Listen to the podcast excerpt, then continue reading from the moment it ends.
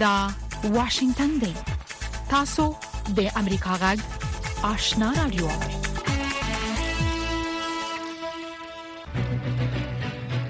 السلام علیکم درنو لیدونکو ستړي مشئ سهار مو په خیر زه زیبا خادم یم دا د امریکا غږ آشنا رادیو خبرونه ده د آشنا رادیو سهارنۍ خبرونه د افغانستان سیمه او نړۍ د دې ساعت په خبرونو پیل کیږي السلام علیکم درنو ریدونکو ستړي مشي زه زیبا خادم یم دا د امریکا غږ آشنا رادیو خبرونه ده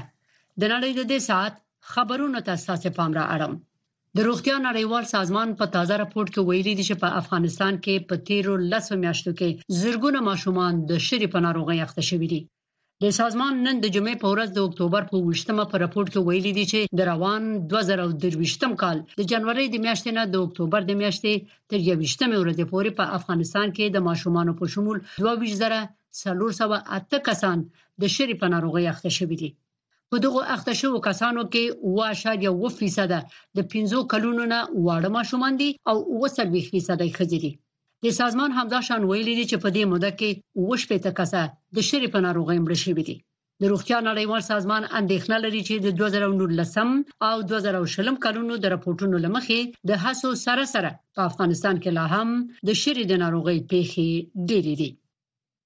د افغانستان د اوسپنې پټلۍ د ادارې د عمومي رئیس ملا بخت الرحمن شرافت په مشرۍ یو افغان هیئت په روسیه کې د استراخان فورم نړیوالې غونډې ته ورغلی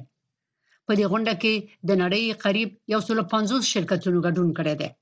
افغان هیئت په دې غونډه کې د استراخان فورم ګډونوالو ته بلنه ورکړې ده چې د افغانستان د اورګاډي په پروژه کې پانګه واچوي ښاغلي شرافت په ایکس پاڼه کې لیکلي دي چې د استراخان فورم د تنظیمونکو د ادارې د مشر دیمتری ریوک سره یې د اکتوبر په 15مه وکتل د افغانستان د وسپنې پټلۍ د پروژو په خاص ډول افغان ترانس پروژې کې په پانګې اچونې مفصل خبرې کړې دي د نړۍ خبرونه د امریکا غږ آشنا رادیو نه اوري د پاکستان یوې محکمې د دولتي اسرارو د افشا کولو په قضیه کې د پخواني صدراعظم عمران خان ضمانت رد کړ. د خان مدافع وکیل نعیم پنجوتا نن په ایکس پاڼه کې لیکلي دي چې سترې محکمې د نوموړي د خوشی کېدو ضمانت او د دې قضیې د فسخ کولو غوښتنه رد کړې ده. په عمران خان تور دی چې تیر کال په واشنگټن کې د پاکستان د پخوانی سفیر لخوا استول شوی محرم اسناد افشا کړی دي ښاغلي خان دا تورونه رد کړي دي او وایي چې دغه اسنادو غټ ټکی مخکې په مطبوعاتو کې خبر شوی وو خبرونه د امریکا غږ آشنا رادیو نه اوري د اسرایل پوز نن د اکتوبر په 28مه ویلي دي چې د اسرایل دفاعي پلو قواو د جنگي جټ الوتکو او بي پیلوټه الوتکو سره یو ځای د غزې په مرکزی برخه کې عملیات کړي دي د حماس د دهشتګرو ټانک ضد توغندیو د توغولو او نظامی قوماندې د مرکزونو په شمول د دې ډلې یو شمیر مرکزونه یې وشتلې دي د پوز لخوا په خبر شو تورو او سپینو عکسونو کې د زغروالو ټانکونو قطار ښکاری او لیدل کېږي چې لوادانیو نه دود پورته کیږي د اسرایل پوز یو ورځ وړاندې د غزې په شمال کې دغه ډول ځمکنیو عملیاتو خبر ورکړی وو ملګري ملتونه وایي چې د اسرایل د تیرو قریب درې هفتو بمباریو نه وروسته د غزې په تړانګه کې فوري ډیرو زیاتو مرستو ته اړتیا ده د اکتوبر په ومه د اسرایل په قلمرو د حماس د ډلې د برید نروسته د اسرایل بمباریو او قلابندۍ د غزې په تړانګه کې یو غټ بشري ناورین راوستي دی د فلسطیني مهاجرو د پاره د ملګرو ملتونو لوی کمشنر فیلیپ لازرینی ویلي دي چې د غزې د پاره زر زر زره مرستو ته اړتیا ده د ویلي دي چې د مرستو د مسولیت د پاره اوربن ضروری دی د روسیې د بارنیو چارو وزارت دا خبر تایید کړی دی چې د حماس وسلواله ډلې یو هیئت مسکو ته تللی چې د روسیې د چارواکو سره د غزې په وضعیت خبرې وکړي د روسیې د بارنیو چارو د وزارت نطاقې ماریا زخرووا دا خبر تایید کړ چې د فلسطیني حرکت استازی د مسکو په سفر بوخت دی د ازادۍ راډیو د خبر د مرکزی څانګې د رپورټ لمخې د حماس د دغه هیئت مشري د هغوی سیاسي مشر موسی ابو مرزوق کوي د زخرووا په خبره پرون د پنځشنبه په ورځ د ایران د بارنیو چارو د وزیر مرستیال علي باقری کنی هم مسکو ته سفر کړی دی د امریکا د دفاع وزارت ویلي دي چې قواوو یې د سوریې په ختیځ کې هغه دوه تاسیسات په نښه کړي دي چې د ایران سپاه پاسداران او نورو ملګرو ډلو یې ترې کار اخیسته د پنټاګون په بیان کې د اکتوبر په شپږمه د دفاع وزیر لوید آستن لخلې ویل شوې دي چې دغه بریدونه په عراق او سوریه کې د متحده ایالاتو په پرسونل باندې د ایران د طرفدارو ملیشو د بریدونو په جواب کې کړې دي آستن زیاته کړې ده چې د دې بریدونو په ترڅ کې د متحده ایالاتو یو قراردادي تبع د زړه د درېدو له امله مړ شوی او د امریکا د پوځ یو ویشت تنه پرسونل سطحي ټپي شوي دي خو بیرته خپل دندو ته ستانه شوي دي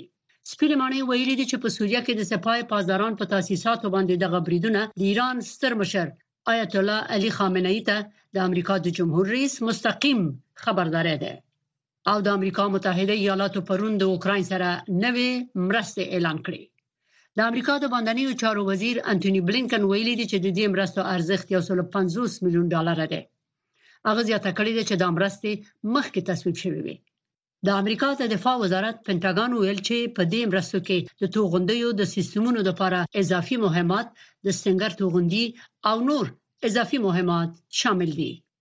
زیبا خادم امریکا غږ واشنگتن د نړۍ خبرونه مو واوریدل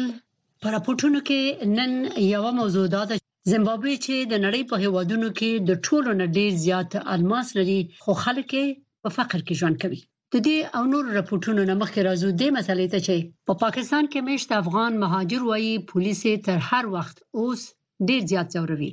د پاکستان حکومت غیر قانوني او بیا اسناد مهاجرو ته یو میاشت وخت ورکړی و چې د پاکستان نه ووزي او دغه ټاکلې نیټه څو ورځې وروسته پوره کیږي مسکا صافی په دې حق لا تفصیل راکړی دی قاسم خان د بېوزلۍ او کار موندلو په موخه له افغانستانه پېښور ته په ویزو راکډوال شوی و. هغه د یوې مړۍ ډوډۍ ترلاسه کولو لپاره د سړک پر غاړه وریجې پلوري. وای افغانستان ته د بیرته تګ لپاره پیسې نه لري. رمینده خو همین روز هم که بویم ما رمینده هستیم منتها پیسه خرج نداریم یک هزار پام نداریم که کرایه را کنیم بریم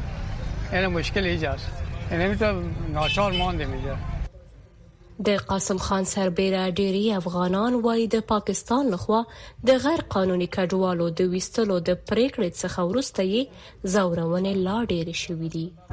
زما اتلس کاله عمر دلته تېر شوی دی، موږ تر تعلیم زمینه خاص نه ده مسئله شوې، نور داسې څه نه دي شوي، نو زه همدغلته سهار راشو مزدوري کوو ماښام کور ته ځو، څه چې وګټو هغه بېرته خورو، بس دغه زموږ ژوند دی په پېښور کې، اوس چې کوم دا دوی فیصله کړې دې ته موږ مشکلات نور هم زیات شوي دي، هر ځای کې پولیس والا تنګونه کوي، کارډ راکه او دا جېلونه دي، بس دې مشکلاتو سره موږ ډېر مخ یو. دغه سره پنځه ورځې پاتې دي، نو موږ د پاکستان. پاکستان حکومت نه دا خواست کو چې موږ د سیاست ښکار نه کوي بر وطن د دوی وطن د سیاست د حکومتونو کې زمونږ کار زمونږ خپل ماجرت سره کار ده او موږ د غیر رجستر افغانانو ته ټیم ورکی ورته په یو دم خدا نشي وستلې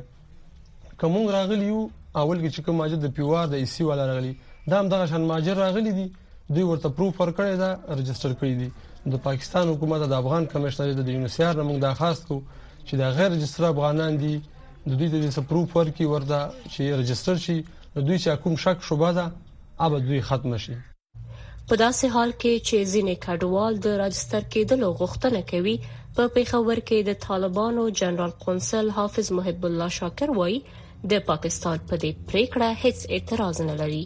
موږ بیا هم متشکر د پاکستان د حکومت څخه په دې پریکړه موږ اعتراض نه لرو دا د پاکستان د خپل مصلحت دی د دې چې څنګه لزوم دي دي هغه سي فیصله کړې ده کنه موږ په هغه باندې اعتراض نه لرو البته په خپل مهاجر ورونو باندې کړه چې دوی ته څه مشکل ده یا په دې حالت کې چې اوس افغانستان کې په بعض سیمو کې لکه مثلا کابل سو لکه غزنی سو لکه دا سړې سیمې دي الته ساړه شروع شوې دي نو هغه د پاره څه مشکلات دي د هغه د مهاجر په مشکلات باندې اندازا خپایو په پریشان یو د دوی په پریشانې باندې کنه او باقی راو دي خاطر چې دا کړی دي کنه د دوی پر دغه باندې موږ اعتراض نه لرو بلکې متشکر یو که څه هم نړیوالې ټولنې څو څو ځلې پر پاکستان د دغه پریکړې د بدلولو غږ کړي اسلام آباد پلان لري چې د غیر قانوني کډوالو د شړلو لپاره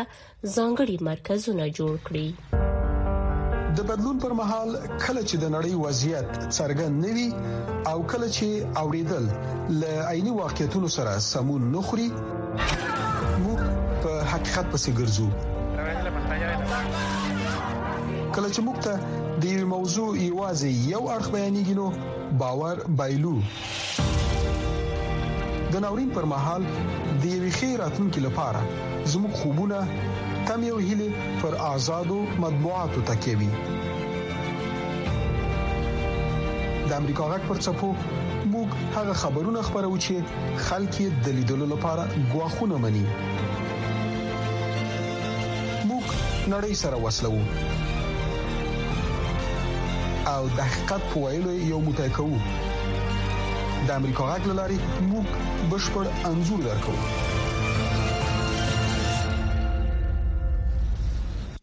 دا د امریکا غږ آشنا رادیو خبرونه ده طالبانو د قلم لارې ټولنې مشر مطیع الله ویسا چې سباندې و میاشتې بندي وو د پنځشنبه په ورځ خوشی کړی دی مګر فرانسوي خبریال مرتضی بهبودي چې قریب نهه میاشتې د طالبانو په بند کې وو، ویلي دي چې په بند کې ورسره طالبانو ناوړه چلند کړی دی او لږ تر لږه شپږ میاشتې یې اسمان پر سترګو نه دی لیدلی.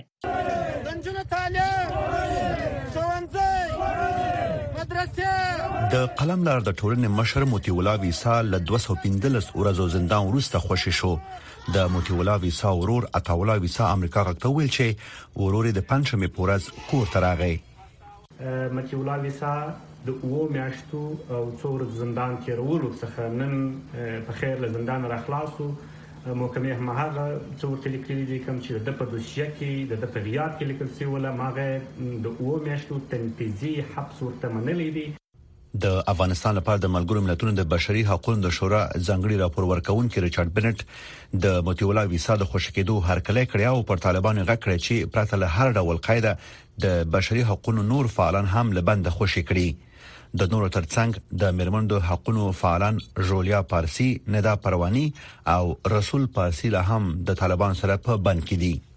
بلخوا افغان فرانسوی خبریال مرتضی بهبودي چې نه میاشتې د طالبانو په بند کې وو او څو ورځې مخکې خوشې شو وایي چې په زندان کې وسره ناسم چلند کېده او داسې فکر کوو چې تختول شوی دی ما داسې فکر کاوه چې تختول شوی یم ځکه هیڅ قضاوت نه وو دوه درې متره کوټه وه له نورو دولسو کسانو سره ساتل کېدم ځینې وخت به د داعش غړو او نورو کسانو سره وو تل به ځورول کېدو مرتضی بهبودي وايي، په شاوخوا درې متره کوټه کې له نورو لس دولسو کسانو سره ساتل کېده. د افغان خبریالانو او د رسنیو د کارکونکو د حقونو د ملاتړ ځینو بنسټونو په افغانستان کې د طالبانو تر حاکمیت لاندې د خبریالانو او رسنیو د کارکونکو پر وضعیت ژوره اندېښنه ښودلې ده. با گذشت بیش از دو سال ما شاهد این بودیم که دهها خبرنگار در داخل افغانستان به بهانههای مختلف اینها از طرف گروه حاکم زندانی شدند و زندانی شدن این خبرنگاران به اساس معلوماتی که ما دریافت کردیم توهم و خشونت و شکنجه بوده یو شمېر خبریالان چې اړ شوي له هېواده بهر لاړ شي د راتلونکي په اړه اندېښمن دي که دوی ته اجازه ورنکړل شي او دغه حلقه او کړۍ ورځ په ورځ په تنګېدو شي نو ډېری خبریالان لکه چې تیرو دوه کلونو کې موږ شاهدان وو چې د هیواد څخه وتلو ته اړ شول نو دغه لړۍ بلا هم وغځیږي د بیپولي خبريالانو د راپور لمخې د روان 2023م کال له پیل راهیسې په افغانستان کې د خبريالانو وهل نیول او په زندان کې د اچولو پیښې دوام لري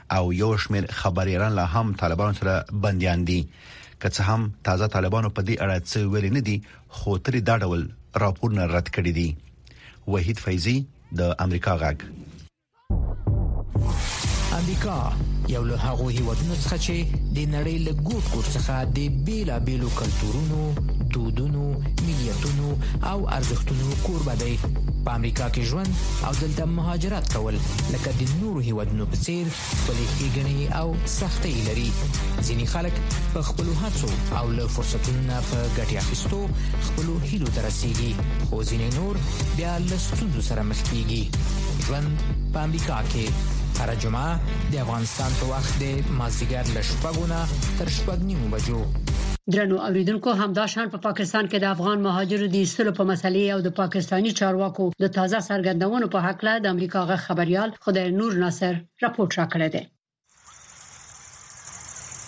د غزلمای شپه او ورځ دلته د خپل نړېدلي کور له سامان سره تېروي. مشران یې په شاوخوا سیمو کې د کرایې کور په لټون کې دي.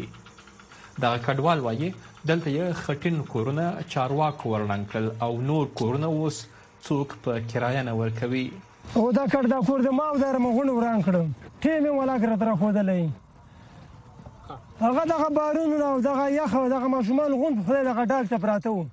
دوه درې ځایونه هم دلته ونیول پیسې بیرته واپس راکړي بینم ورکړی و تاسو دا که افغانیاسي که تاسو ته اجازه نشته دی مونږ ورته مو سره کارټون مسونه نه لکه کار دا دسته ده موجود نه معنی وای مونږ ته حکومت خوانه اعلان سو دی دغه نن دولسمه دولسمه ورځ به یو ولسمه خدا دا چې یخت ماشومان پراته دي دا لرګي دا مال دا وزي غون دغه سي دي دا کډوال وایي په همدې مینه یې لاس کاله تیر کړل خو اوس یې د سرپناه ځای نشته او د کور شیان لا هم له نړېدلي کور سره پراته دي په دغه ځای کې د موږ په دې مېله باندې لس کاله دلته مو وتل او یو لس کاله مو په کوزه نوښت اسلامي نوښت باندې تیر کړ دا شل 15 واسه مو وخت نو 15 ډیر کاله کې راغلی وو نو په دې 15 ډیر کې د زیاته موږ سره ولاګه چا کړی لګه دا اوس څوک بيخي یو چا نه کړاله بيخي یو دغه امرانه کدا نوټس امرانه کو یا په 15 ورځې یا یو جمعه هفته بعد بس یو دم رااله دغه غوند مخ رڼ کړو ولا سي دغه سب د بارانونه دغه یخ دغه ونم دغه د بډاګ باندې تیر کړو اوس مجبور دا ګور دا لرګي مرګي مونږ را وتړل یو سیر ته چرته به زور کوم سينو بلې خواته په اسلام آباد کې ځایي چارواکي وایي دلته میشتو کډوالو ته یې دوې درې میاشتې وړاندې لا ویلي وو چې دغه سیمه دې خالي کړي ځکه چې د دې چارواکو په خبره دلته د استوګنې لپاره نوې ودانۍ یا سکټور جوړیږي خدای نور ناصر امریکا غږ اسلام آباد طالبانو د افغانستان له دننه د امریکا غږ راډیو خبرونه درولې دي خو امریکا غږ په پوره ژمنتیا خپل افغان اوریدونکو ته په پښتو او دری ژبه د کره باوري او هررخیزو خبرونو په خبرولو د افغانستان له بهره په 902 کیلو هرتز منځنوي سپو خپل خبرونه ته دوام ورکړي د دې ترڅنګ تاسو کولی شئ چې زموږ پښتو خبرونه په لاندو ټکو هم واورئ پښتو سهارنې خبری خبرونه پر وزارت 290.0 ټکو اوریدل شي ما خبرنې پښتو خبرونه په 2040.0 2015.0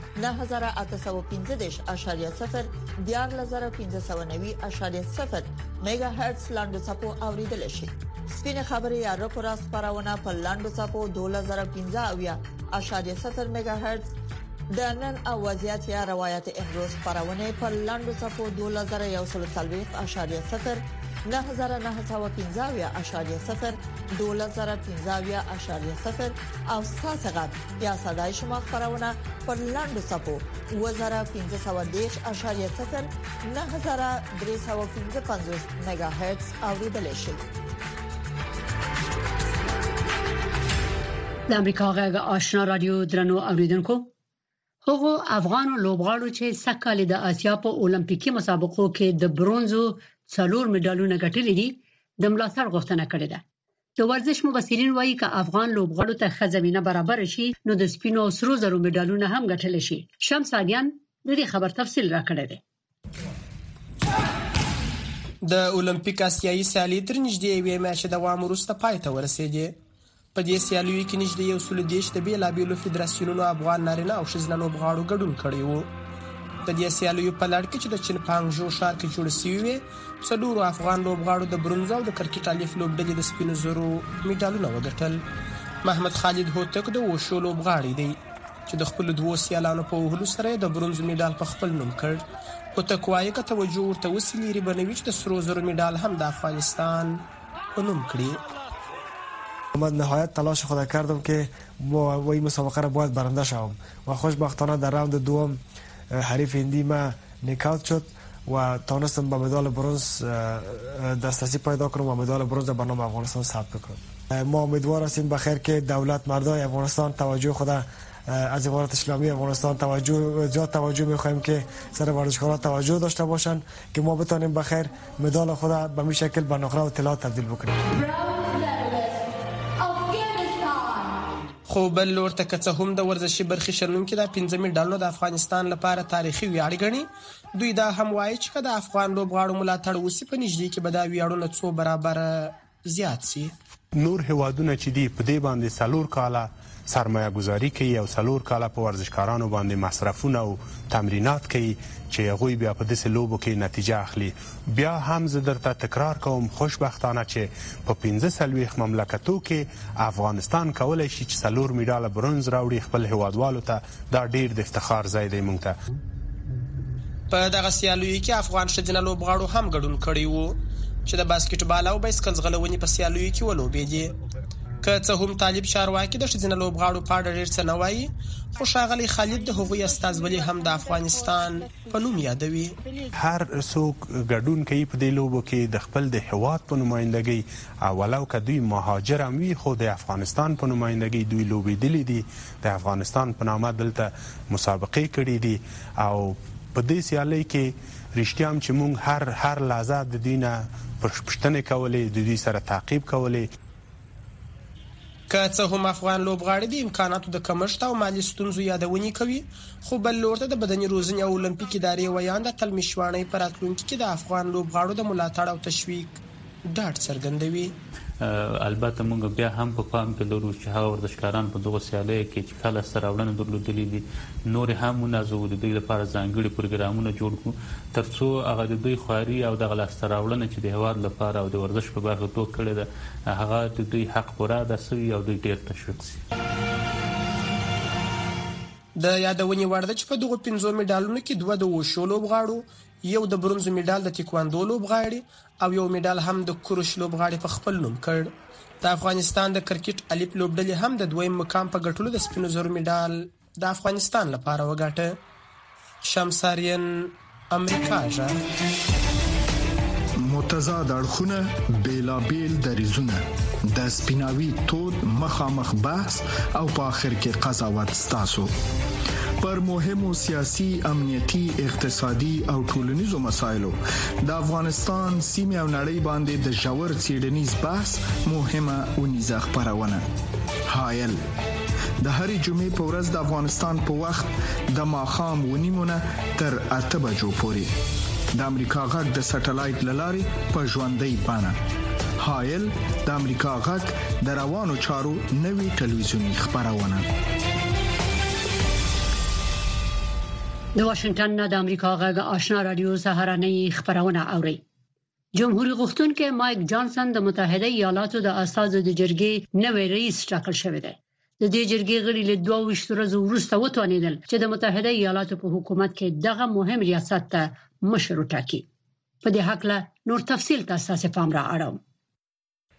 د دوه سوه شلو موافقو او دوه سوه نهه مخالفو رایو سره د متحدو ایالتونو د استازو په جرګه کې جمهوري غوښتونکي بالاخره په دې وتوانېدل چې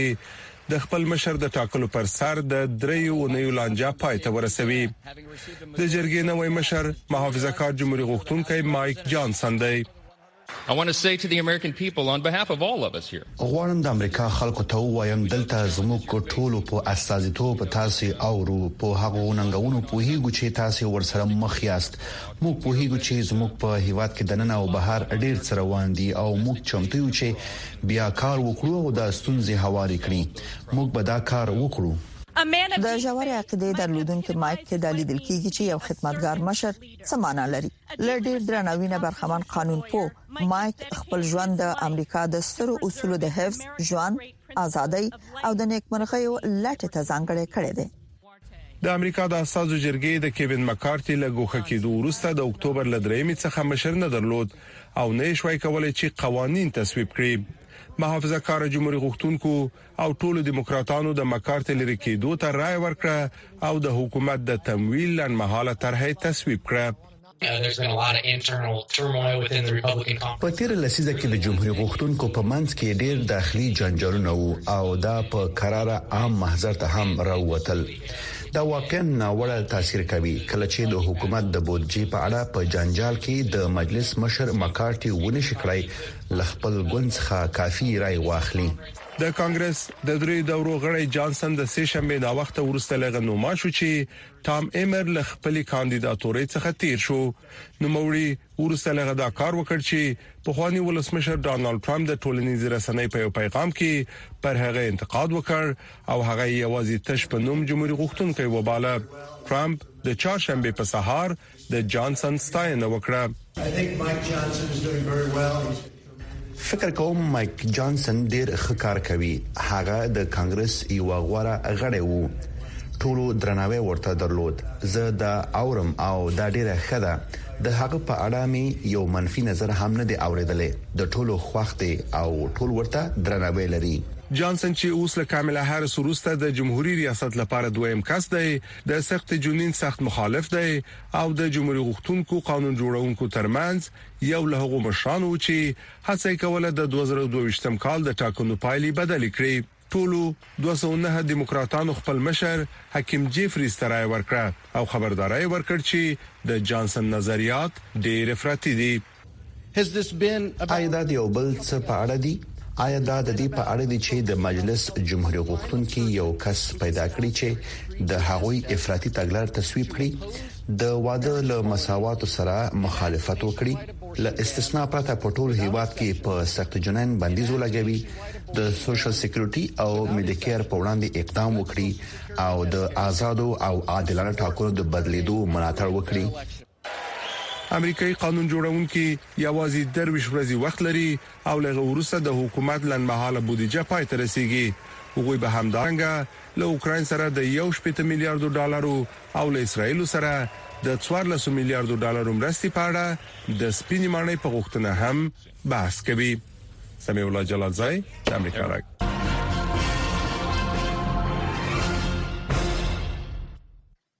د اسراییلو او د غزې په جګړه کې دواړو خواوو ته په ټولنیزو مطبوعاتي شبکو کې زرګونه خواشینونکي انځورونه خپرېږي چې دواړو غاړو کې د کرکې او نفرت اور ته لمن وهي. د پوره تفصیل لپاره دغه راپور واورئ. د غزې په تړانګه کې د اسرایل د جنگي الوتکو د بمبارۍ له امله تاوتریخوالی دوام لري او حماس هم په اسرایل د راکټونو وشتلو ته دوام ورکوي په لویدیځ غاړه کې د تیر جمعې لمانځه وروسته لاریونونه پیل شول او د اسرایلی ځواکونو او فلسطینیانو ترمنځ په نښتو کې ګڼو کسانو ته مرګ جوړه واغوښته دا په نږدې شلو کلونو کې لومړی ځل دی چې اسرایلی الوتکو د لویدیځ غاړې په یو خارګوټي برید وکړو د لبنان سره په پوله کې تاوتریخوالی هم مخ په زیاتېدو دی چې دا د اسرایل او د حزب الله د ممکنه جګړې په اړه د دوه خواو اندېښنې راپورته کوي د اسرایل حکومت د حماس د بریدګرو د هغه کیمرې ویډیو خبره کړه چې په خپل بدن پوري تړلې و امریکا غږ په آزاد توګه دا ویډیو نه د تایید کړي نه تایید شوی او ځینی وختونه ناسم معلومات دی او بل په ضد کرکټ لمن وهي نادوش محمد درام الله اوسیدونکو ده دا ماشومان چې تاسو ګورئ دا څلور ماشومان د دې مور او پلار د دې لپاره شپږ کاله انتظار کړی وو اوس وژل شوی دي د دې ماشومان د اسرایل سره څه تعلق دی ندوش محمد چې لغزې نه لري پر امولا کې په آرامه ژوند کوي هغه وایي چې هغه په خپل ټلیفون د خبرونو په پرتله مرګ غوړه غني هغه وایي چې د هر څه د لیدلو نورسته د اسرایل سره په امن کې ژوند کول ناممکن ده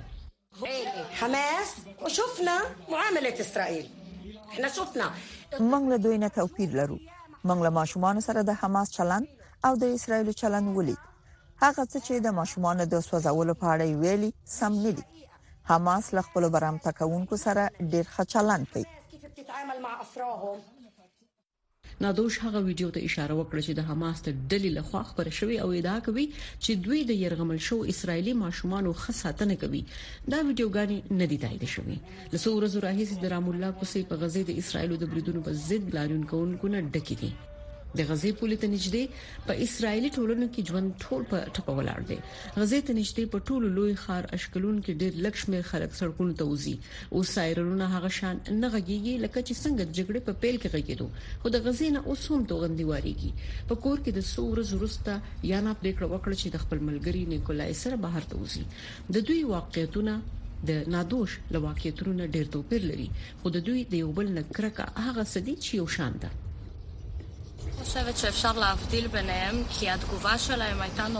هغوی د هغو عسکرو ویډیوګانې وښودلې چې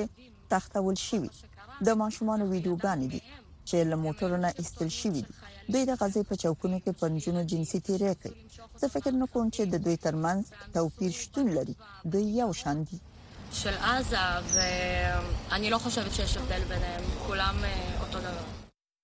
یانه د نادوش په شان فکر نه کوي چې د اسرایل او فلسطینیانو لپاره یو ځای پاتې کېده ممکن ده ان اسکم شلوم ام خیوت لا دوی سره په سوله کې ژوند نشي کېده په پای کې به دوی موږ ووجني ځکه چې دوی ته په ښوونځیو کې درس ورکول کیږي چې موږ د دوی دښمنان یو